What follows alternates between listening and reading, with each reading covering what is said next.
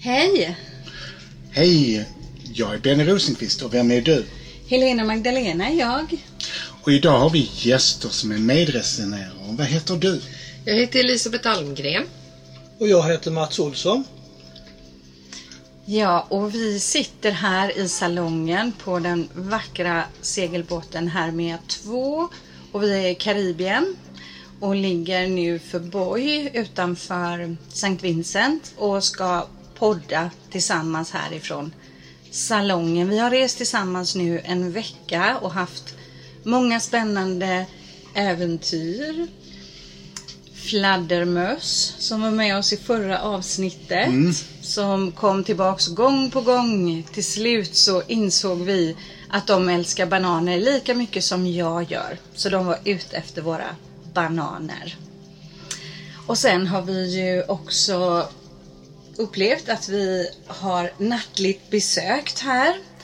Eh, som vi började prata om igår och du har ju pratat här i natt nu. Jag har ju fått reda på vad han heter. Vad heter han? Eh, han heter eh, Claude Vincent och har varit ägare till den här båten. Den första ägaren till båten. Jag får lämna över till Benny för du säger vad du kom fram till. Han är ju en, inte kvarvarande ande utan han kommer att titta till båten. Och här, vi har ju hört steg och vi har känt oss iakttagna. Jag har inte bara gjort det igår utan jag har känt det ett par dagar faktiskt. Att han har kommit och stannat upp och tittat på oss. Och Han har sett, jag har också sett att han har gått in till er. Och undrar nu vad vi är för människor egentligen. Men det vet han, det har han koll på. Så han är ju väldigt imponerad av din segling så att säga. Och han jag var inte så imponerad hur du åt mat när du var själv. Så jag vet inte vad du äter när du är här ensam. Det kanske du kan berätta. Det är mest fladdermöss faktiskt. Nej, det, jag vet inte heller. Man, man tar lite vad man har och så gör man det enkelt för att det, det är ju lite krångligare ombord på en båt. Det är mindre plats i byssan och man vill inte diska så mycket och sådär. Och sen är han ju fransman eh, och eh, säkert uppskattar mat på ett helt annat sätt än vad vi nordbor gör. Han var väldigt nöjd med ditt sätt att restaurera båten. Han tyckte att den var fantastiskt vacker. Och han tyckte det var en väldigt avancerad teknik du har satt in på båten. Så han är nöjd med dig. Ja, det stämmer också.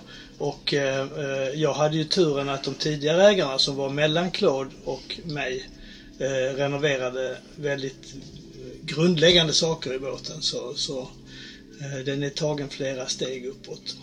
Glad att han gillar det. Mm. Ja, vi har ju varit ute nu och, och seglat och vi har varit långt ner i södra Karibien och fått se fantastiska platser. Och vi har också levt väldigt nära varandra. Det är ju vi fyra då som min man Jörgen. Och det händer ju mycket i ens personliga utveckling när man liksom lämnar sitt trygga, vanliga jag och går ombord så här och så blir man så, så tajta. Man delar liksom verkligen livet dygnet runt här på båten. Och det har ju gungat väldigt mycket också så det har ju varit lite problematiskt emellanåt. Och igår så hände någonting extra komplicerat. Det kanske du kan berätta Mats? Ja, det är ju sånt som kanske svetsar samman gänget ännu mer när det börjar bli motgångar och man får jobba tillsammans för att, att klara av de här utmaningarna. Och igår så visade det sig att eh, en motor som sitter och rullar in förseglet eh, hade slutat fungera när vi hade halva förseglet ute. Så det, det var varken helt ute eller helt inne. Eh, vilket är utmanande för ska man gå i hamn så kan man ha det helt ute och ta ner det på däck. Eller helt inne och då har man inga problem. Så vi var någonstans mitt emellan. Och det här fick vi försöka lösa på många olika sätt och så småningom så fick vi ut seglet hela vägen och kunde ta ner det på däck. Ehm, och eh, det, var, det, det är stora krafter, det blåser mycket här och seglet är jättestort. Eh, Så att eh, vi fick kämpa, men det blev, gick jättebra till slut. Så nu ligger vi inne vid en boj och har det lugnt och skönt. Mm. Ja, Ja, det var väldans eh, oklart där ett tag kändes det som. Om vi skulle gå till Becky eller om vi skulle gå upp mot Sankt Vincent. Mm. Ja, Jag tror vi gjorde det rätta. Nu ligger vi lugnt och fint här vid en boj och kan ta oss an det här problemet. Det är ju någonting elektriskt som vi måste fixa med. Och, eh, eh, det är bara att gå igenom det steg för steg så kommer vi hitta det. Mm. Ja, du löste, det, du löste det så fint. Vi kände oss så, så trygga. Det var roligt att höra. Tack för det. Ja. Jag eh, tycker det är väldigt spännande med att det är en gammal båt. För det finns en, ju en prägling på och vi markerar ju energier i. Så det känns ju att det har varit mycket människor som har varit i denna båten innan. Ja, det gör det verkligen. Det tycker jag också. Man, man går ner i nya båtar så känns de helt tomma. Även om det finns grejer i dem så då känns Alltså det, det saknas eh, själ på något sätt. ja. Men det känner inte jag här i alla fall. Nu är jag inte speciellt medial och så men, men eh, man, man kan ändå känna skillnad. Absolut. Och här har varit många människor i denna båten. Och den har haft, jag tror, tre ägarkonstellationer. Och det var då Claude Vincent från början och sen en grupp på fyra personer som jag känner och så jag då. Så, eh, och de har haft mycket gäster och de har varit på många olika ställen. Eh, Men Claude har aldrig varit här i Västindien om jag förstod det rätt. Nej. Så då känns det jättehärligt att han får vara med nu när, när vi är här. Och att han har fått segla över Atlanten och att han ska få segla över Atlanten en gång till. Mm. Så vi är egentligen sex personer här Mm, på kan man båten. säga. Och det är så fint när han tassar runt på kvällen och kikar in och tittar till oss att vi, att vi har det bra. Där är en det, sjätte det är egentligen en liten fripassagerare för han har inte betalat någonting. Nej. Och där är, där är en koj ledig. Vi ska titta på kudden om det är något Ja, avtryck precis. i den. Får se vad han, vad han sover. ja. Ja, och vi har ju då Dygnet har ju många timmar så vi har ju seglat och, och det har varit väldigt spännande. Och både Benny och jag har ju passat på också med mindfulness och meditation. Och då pratade vi om det Elisabeth. Att du ställde frågan, men, men hur är det ni gör? Du får gärna... Precis, exakt. För att jag, jag tänker från perspektivet eh, alla vi som eh, inte är så utvecklade som vad ni är och jag har ju nu sett er försätta er i meditation på bara några sekunder och där skulle jag vilja ha någon slags eh, ja, liten sammanfattning om hur gör ni? Detta är både enklaste och svåraste. Mm. För det svåraste är att snabbt komma in i varjet i meditationen. Det är ett konststycke, det tar många år att komma dit. Men att meditera är inte svårt. Det är egentligen andningstekniken och det är att djupandas, att andas in, andas ut och släppa kontrollen. Och det kommer ju bli det svåraste för dig att släppa kontrollen tror jag. Och Mats, du har ju mediterat med mig innan i meditationsgrupper. Hur tycker du det är svårt att meditera? När man har din ledning så, så går det jättebra. Eh, och man, man märker hur man förflyttar sig i sitt inre kan man säga. Eh, på olika sätt. Eh, när jag gör det själv så har jag svårt för att liksom koppla av så mycket så att jag kan liksom få ner aktiviteten i mina tankar och fokusera på någonting. Eh, det, det är mitt problem. Du mediterar ju mycket också, Helena Magdalena. Men du har ju även på dina kurser utbildar du folk i meditation precis som jag gör. Mm, precis. Är det olika du upplever som de har problem med? Eller är det samma sak som människor oftast har problem med i- på dina kurser? Ja, det som jag upplever de senaste åren, om man jämför mot för 30 år sedan, det är att mindfulness känns som kan vara ett väldigt bra steg emellan att börja bli mindful, att börja vara här och nu i ett sätt att kunna släppa. Och det har vi ju alla fått vara i här på båten, bara här och nu med havet, vindarna och bara följa det. Eh, och sen eh, är min känsla för att svara på din fråga Benny.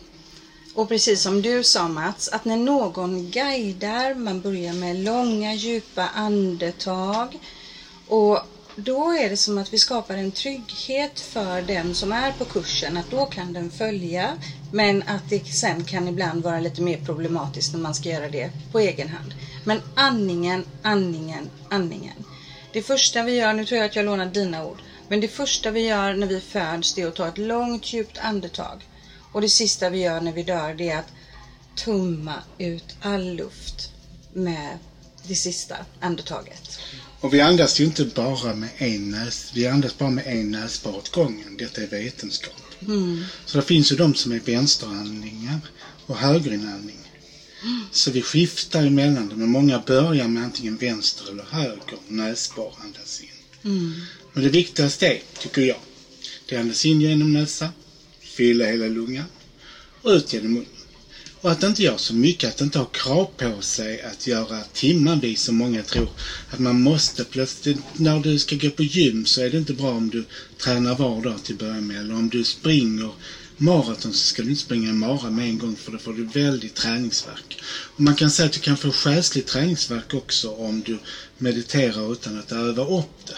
Så det bästa du kan göra är att meditera fem minuter åt gången, sen tio minuter. Och det viktigaste är andningstekniken. Som du sa, andning, andning, andning. Den är den väsentligaste. Sen är vi olika. Det finns de som är bildmänniskor. Det är de som är ljudmänniskor. De mår bra av att chaunta. Sen är det de som är eh, ett visuellt, att de vill ha ett ord bara. Ett ord som eh, de följer så att säga. Till exempel sol eller ett mantra som de har med hela tiden bara ett ord, att de upprepar det, så till exempel om hela tiden. Men 93 procent tror jag är som är bildmänniskor. Det är 96 procent som bara är både bild och ord. Så det är inte så många. När vi är både och mycket av det så är det kanske 3 procent som använder det. Då är man en väldigt bra författare också. Då kan man visualisera orden. Och det är ju alltid bra att öva upp båda två, för vi har ju förmågan till det. Att använda både bild och ord. För då blir vi ju bättre berättare, för, för förmedla kommunikation på ett annat sätt, förutom meditationen. Men vi kan också förmedla kommunikation till oss själva, att ta information under meditation. Mm. Precis, och just det här med andningen. Och då kan man göra så här. Man kan lyssna på guidade meditationer. Det finns ju en hel del om man känner att det underlättar. Jag satt ju igår när vi var där ute till havs. Så sa jag att nu ska jag lyssna på Deepak Chopra i 15 minuter. För då, då valde jag en guidad. Och då var det just de här mantraorden Soham. Soham. Och så guidar han då. Sen någonting som jag tycker är bra det är att om man väljer en meditationsmusik som man tycker väldigt mycket om så använder man den om och om igen. För då när man sätter sig och börjar ta de här långa djupa andetagen så fattar hela själen att åh, det är min tur nu. Så kan man gå in i meditation och det viktigaste är att inte sitta och tänka, jag får inte tänka, jag får inte tänka. Utan bara, bara låt det passera. Det som kommer, jag tar det sen. Liksom att man inte pressar sig själv för hårt. En munk som har mediterat i 40 år, det kan man säga att jag är, kan stänga av hjärnan i 18 sekunder. Och då tror vi att vi ska kunna stänga av hjärnan. Vi får den innebörd många tror att man ska kunna få helt plain. Det kan vi inte. Det, det krävs en total disciplin. Och jag kan göra det i 18 sekunder. Och det har jag ingen nytta av egentligen. Men det är väldigt skönt när det blir totalt tyst i hjärnan. Men det är enormt mycket arbete. Så då får man nästan vara tibetansk munk. Dalai Lama eller jag, Benny Rosenqvist som har mediterat sedan jag var nio år. Då kan man göra det till slut. Jag, jag brukar göra så här om jag är i en period när det är väldigt mycket och väldigt stressigt. Jag mediterar ju även de perioderna. Men om jag känner att jag är väldigt pressad, då kör jag mindfulness. För när man går in, det innebär ju att man fokuserar på precis bara här och nu. Och man börjar fokusera på detaljer. Hur känns bordet? Hur känns rummet där vi sitter? Och så ploppar det upp så här, just det, jag måste ringa dit och jag måste skriva det, jag måste mejla det. Så skriver jag ner det som en lista.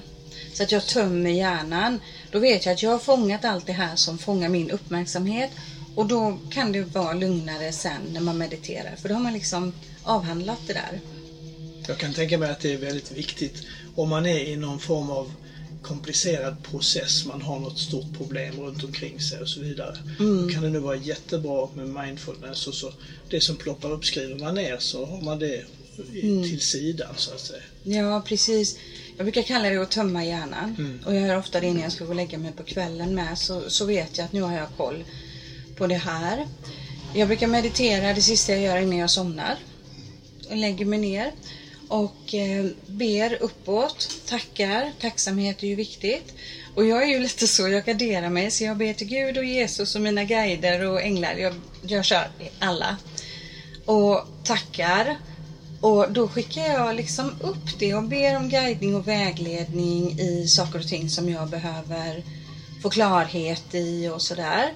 Och sen så under dagen så gör jag mig mottaglig en stund. Ofta med meditation. Men annars det kan vara när jag står och viker tvätt eller jag diskar eller jag gör någonting. När hjärnan bara får liksom så här.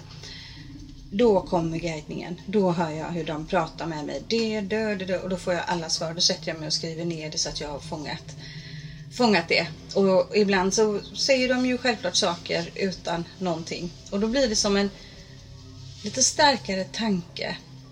Så jag hör att de sa någonting. Men då ska, de väl, då ska man väl ha en gåva som du har? Eh, Behöver man inte. Man kan lära sig detta genom meditationen. vi kan alla utveckla. Vi är själar, alla är vi själar. Vi har alla den själsliga visdomen. Så det handlar ju om att skapa en connection. Kommunikation. Ja. De har inte missat någon när det gäller en huvudguide. Och huvudguiden är den som intuitivt ger dig en känsla av vad som är rätt och fel. Och när du förstör det är när du går för mycket i huvudet. Så det är därför du ska släppa kontrollen. Och lita på budskapen du får i ditt hjärta och själ. För det är först då du faktiskt är i ren källa. Den totala källan. Mm.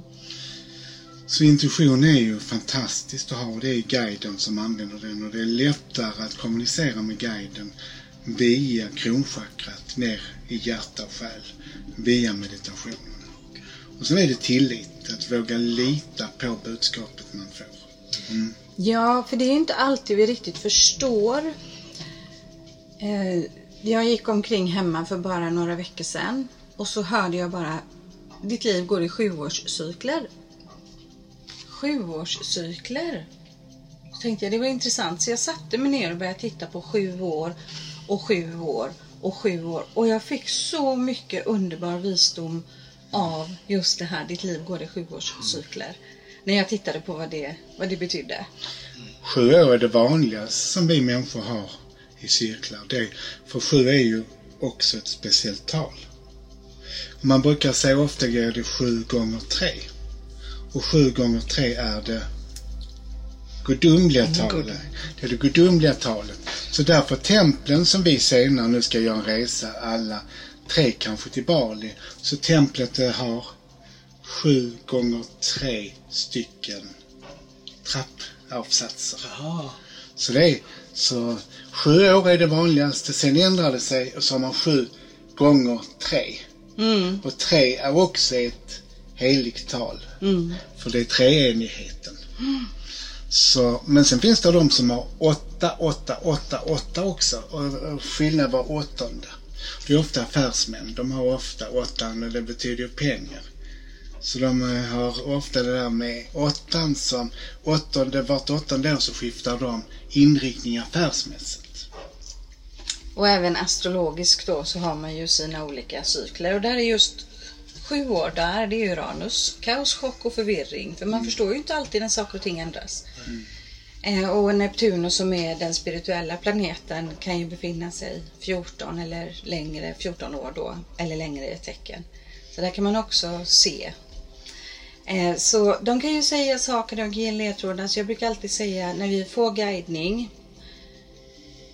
det är ju med en känsla av uppfylldhet. Man blir uppfylld på något sätt och man fokuserar.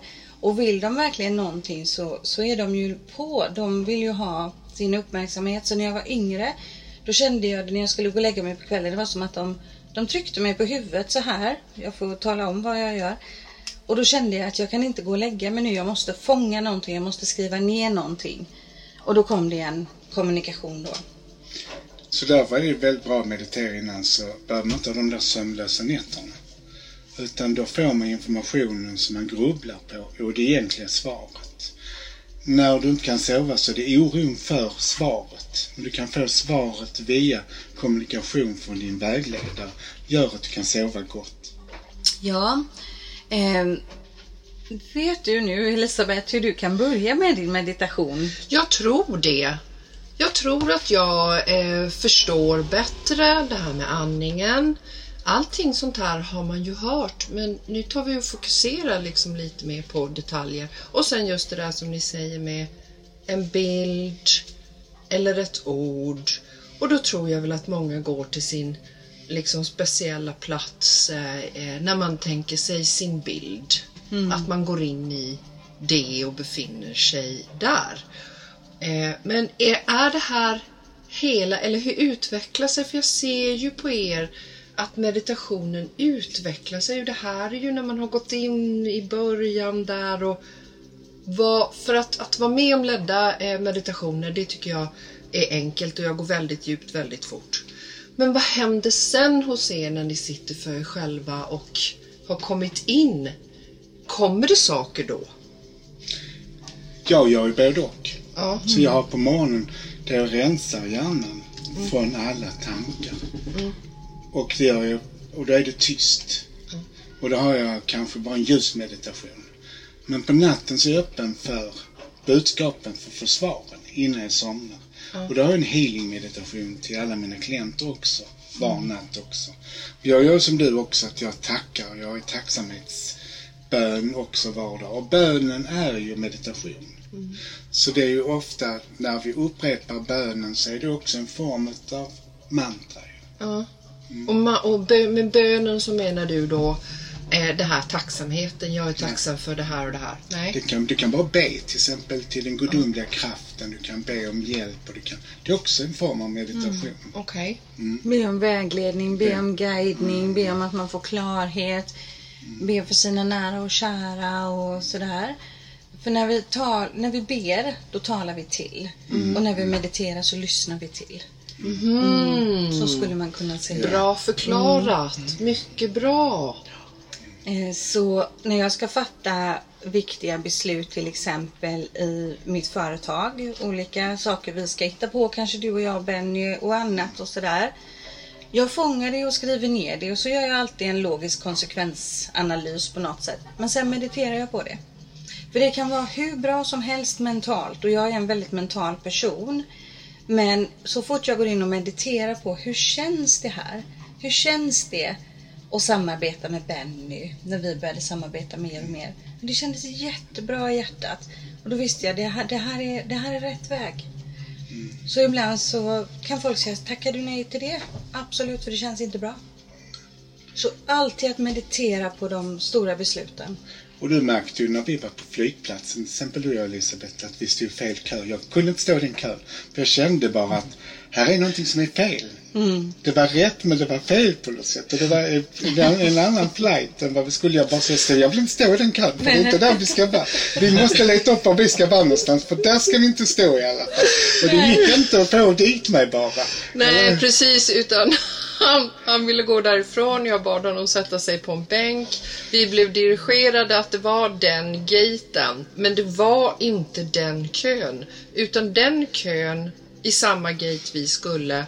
De skulle flyga samtidigt men gå ut precis innan. Det är ju lite förvirrat när man kommer ut i världen. Det är inte alltid som man är van vid. Så att, så att det, det var liksom rätt gate. Men ja, så Benny hade som vanligt helt rätt idé. Och sen så kom vi i alla fall i den gaten och i rätt kö med våra passagerare. Den karibiska oordningen på Barbados flygplats, den är helt fantastisk. Framförallt på gate 9. Ja, exakt. Eh, Så att kommer ni någonsin eh, dit så ska ni veta detta. Men, Men hur har din utveckling blivit nu andligen? Har det hänt någonting med dig på den här resan? Ja, det har det ju gjort för att jag sticker in med frågor hela tiden till Benny och Helena Magdalena som jag har stor respekt för. Eh, och där jag frågar saker som men eh, från ett utifrån perspektiv som är, som är självklara för dem. För de lever i det här och har levt i det här hela livet. Och det ger ju mig en utveckling och väldigt mycket att tänka på. Så dagen idag kanske kommer att bli en dag när jag lägger mig någonstans i skuggan och skriver ner allting som ni har sagt för att försöka liksom få en sammanfattning. Men det var inte det jag frågade. Förlåt. Min egen utveckling. Mm, Jag frågade om din egen utveckling, inte om den du har fått av oss, utan det som har hänt med dig. Ja. Vilken upplevelse du har haft andligen av att vara på en båt, trångt med andra människor. Eh, att du bor själv annars så är det att på nästan 30 kvadratmeter, fem personer. För dig som en ensamvarg, bor så här nära människor. Alltså det, det har ju varit en jätteutveckling naturligtvis. Och för mig som en ensamvarg så har jag ju eh, lyckats ta tillvara på och hitta eh, de här eh, små stunderna av där jag förlorar blicken i horisonten och är ensam fast tillsammans. Och bara det är ju en jätteutveckling för mig som har ett sånt behov av att vara i fred ibland. Det var en utav de sakerna jag tänkte på innan vi åkte. Hur kommer det här att gå? Men det har gått alldeles utmärkt och på så sätt så har jag verkligen vuxit i, i det mediala och i att ta tillvara på eh, mina liksom, redskap som jag har hittat på den här resan. Att vara i fred och förlora mig i det som jag behöver fundera på. Tänka mina tankar som jag brukar kalla det för. Mats, du har ju varit med andra personer på båten innan. Du har haft en familj, och du, men du har inte haft andliga personer. Du är ju själv andligt intresserad. Har du märkt någon skillnad på oss och de andra som har varit här? Ja, det tycker jag. Det tycker jag faktiskt. Eh, en snabb fråga och eh, jag får tänka efter lite när jag svarar. Men i det lite större perspektivet så har vi haft ett, en, ett annat lugn och en annan harmoni ombord. Eh, och eh, sen har vi ju talat om en massa spännande saker också. Eh, men eh, det, så, så tycker jag man kan säga. Och sen så har jag ju fått ert stöd eh, på ett helt annat sätt eh, när vi har strapatser och så som vi upplevde igår. Eh, och jag tror att det har hjälpt mig med lite större tillit eh, och eh, ehm, ehm, ett, ett annat lugn kan man säga också. Eh, och så för, för att nu inte bara, bara tala om allt som vi har upplevt tillsammans när vi har pratat om olika saker och, och eh, Benny, du har eh, hjälpt till att berätta saker, mina tidigare liv och sånt där. Fantastiskt intressant. Eh, och Helena Magdalena, du var den som påtalade att, eh, att eh, vår franske, eh, vårt franska spöke fanns här. Vårt spöke är det ju inte men Mm. ehm, Claude Vincent var ombord och så. Så det har varit fantastiskt trevligt och mycket annorlunda från vad jag har haft tidigare när jag har haft folk ombord. Längtar du nu att få lov att vara själv när vi åker hem? Nej, alltså jag, jag, det beror på hur man ser det. Men, men det finns många saker jag ska göra här ombord. Och då är ni vägen. men, men jag kommer verkligen sakna ett umgänge. Så kan man säga. Och eh, sen har jag ett par andra kompisar som kommer och då, då eh, känner jag att jag gärna skulle vilja vara färdig med en, en del så, saker. Så att jag har liksom eh, en liten period med arbete här. Eh, Så på det viset så, så behöver jag vara själv under den perioden. Men det är inte alls så att jag längtar att ni ska lämna båten för vi har haft så underbart ombord. Och eh, varje dag så talar vi om nya spännande saker och det dyker upp nya spännande eh, insikter. Eh, jag tycker det har varit och är fantastiskt spännande och intressant. Jättespännande. Mm, det tycker jag också. Verkligen.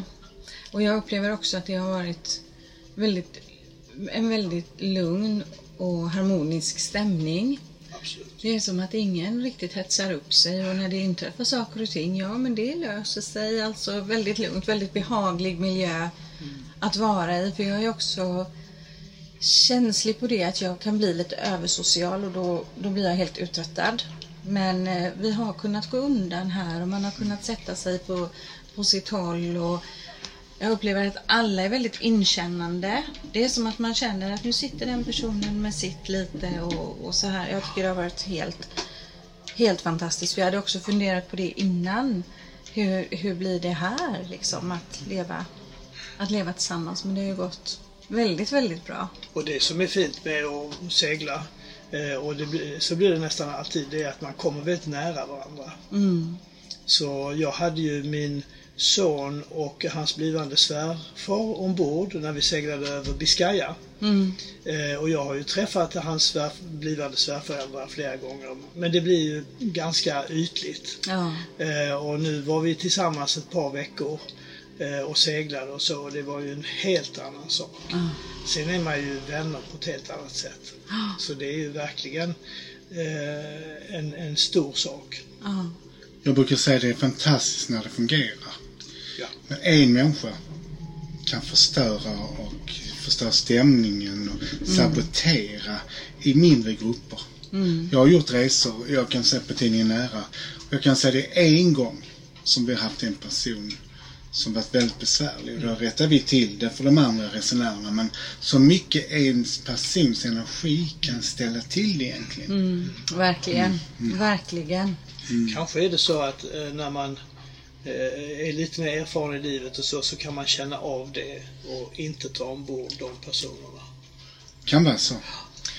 Ja, och det är nog en fördel om man lyssnar intuitivt. För så man ångrar nog om man gör det. Ja, ja. Ja, för varje grupp, varje grupp som skapas skapar ju sin egen dynamik. Mm. Och vissa grupper, de verkligen kommer ihop på ett väldigt lätt och enkelt sätt.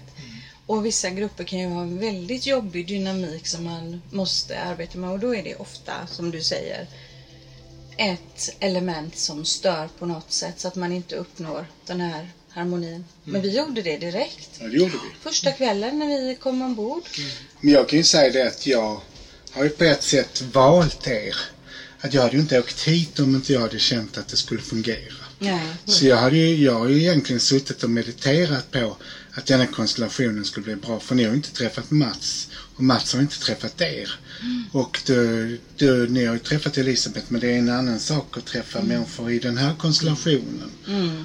Och eh, ibland kan människor ta en annan plats när andra människor kommer in och det blir andra energier. Men jag kände att det skulle fungera jättebra. Att vi skulle komma till våra rätta element, alla personerna. Alla har fått sitt utrymme. Mm. Och det är viktigt att alla känner att de har sin plats på en sån här resa. Ja, verkligen. Och jag, jag blev ju tyvärr sjuk på Salt Whistle Bay. Eh, förmodligen matförgiftad. Och då kände jag mig väldigt liten och ynklig. Men jag kände mig så himla omhändertagen av er. Verkligen. Det kommer i sorb och vad vi kan göra och sådär. För då, då var jag ju på väg att hoppa av. Jag satt och googlade på flygplatser. Men då kände jag nu har jag seglat färdigt. Nu ska jag ta mig, ta mig hem. Det var, det var lite flyktbeteende där som, som kom. Så jag blev ju väldigt snabbt bra igen, tack och lov. Men eh, just den, den morgonen där så kände jag mig otroligt liten ute i världen på den här båten och det gungade och det var väldigt varmt. Så då försökte jag rymma. Men då har du nog upplevt lite grann om hur det är att vara på båt. För Ja. att nu har ju vi haft det ganska lugnt och skönt här förutom att det här rullmekanismen eh, pajade. Men, men eh, när man är ute på stora havet eh, och det sjöarna sköljer över båten och man sitter där och blir blöt var femte sekund. Eh, och lite skraj kanske och sådär. Då känner man sig liten. Och jag tror att det är väldigt nyttigt för en människa att känna sig liten ibland.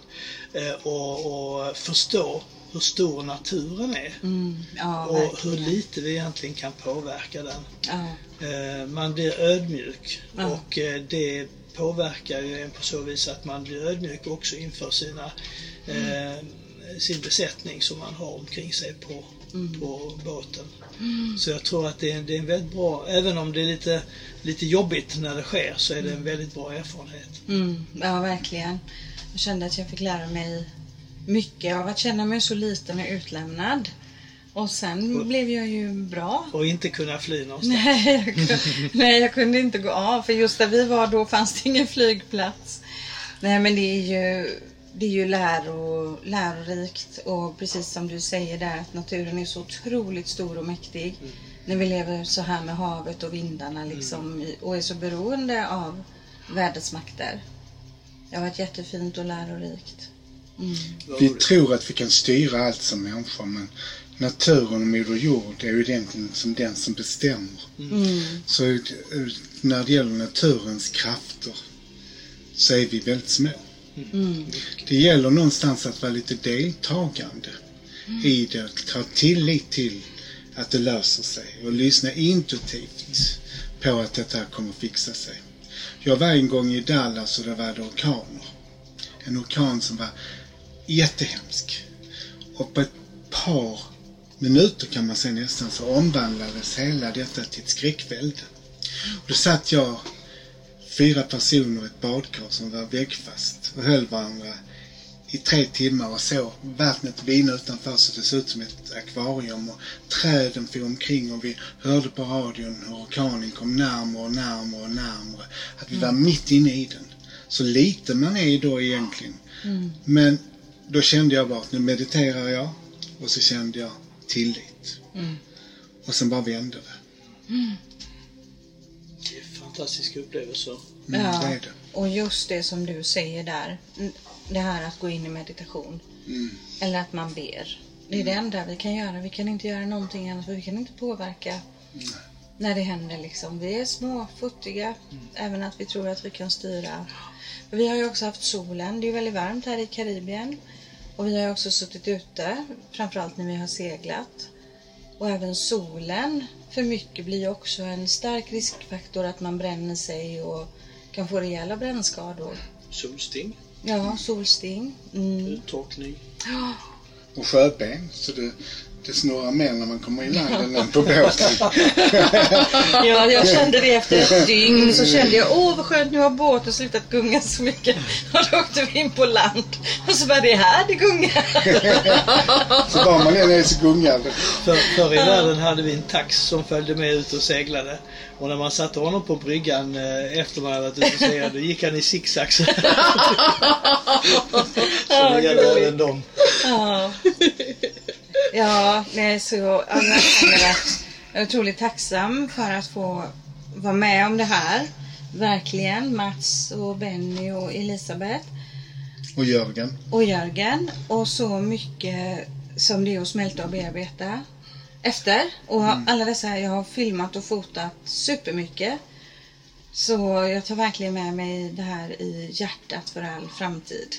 Tack för att ni ville komma ombord. Och det, har varit, ja, det är jag som ska tacka för att jag har fått lov att ha er ombord. Det har varit en fantastisk upplevelse, verkligen. Ja, tusen tack. Helt underbart. Tack Mats och Benny, Helena, Magdalena och Jörgen. Eh, det här är som sagt once in a lifetime som man får vara med om en sån här sak och eh, ja, det kommer sätta sina spår. Så lev, som du brukar säga, i dina drömmar. För de kommer förverkligas. Så Mats, tack för att du förverkligade en dröm för mig. Ja, det var så lite. Jag är så glad att jag kunde bidra med det. Tack så mycket. Tusen tack! Så ska vi avrunda dagens avsnitt i våran podd och tack till er våra fantastiska lyssnare där ute. Och vi önskar er alla en underbar helg nu. Så puss och kram. Puss och kram! Och tack så mycket Mats och Elisabeth. Tack till Tack er! Tack, ha. tack tusen tack. Tack ska ni ha. Hej då! Hej då.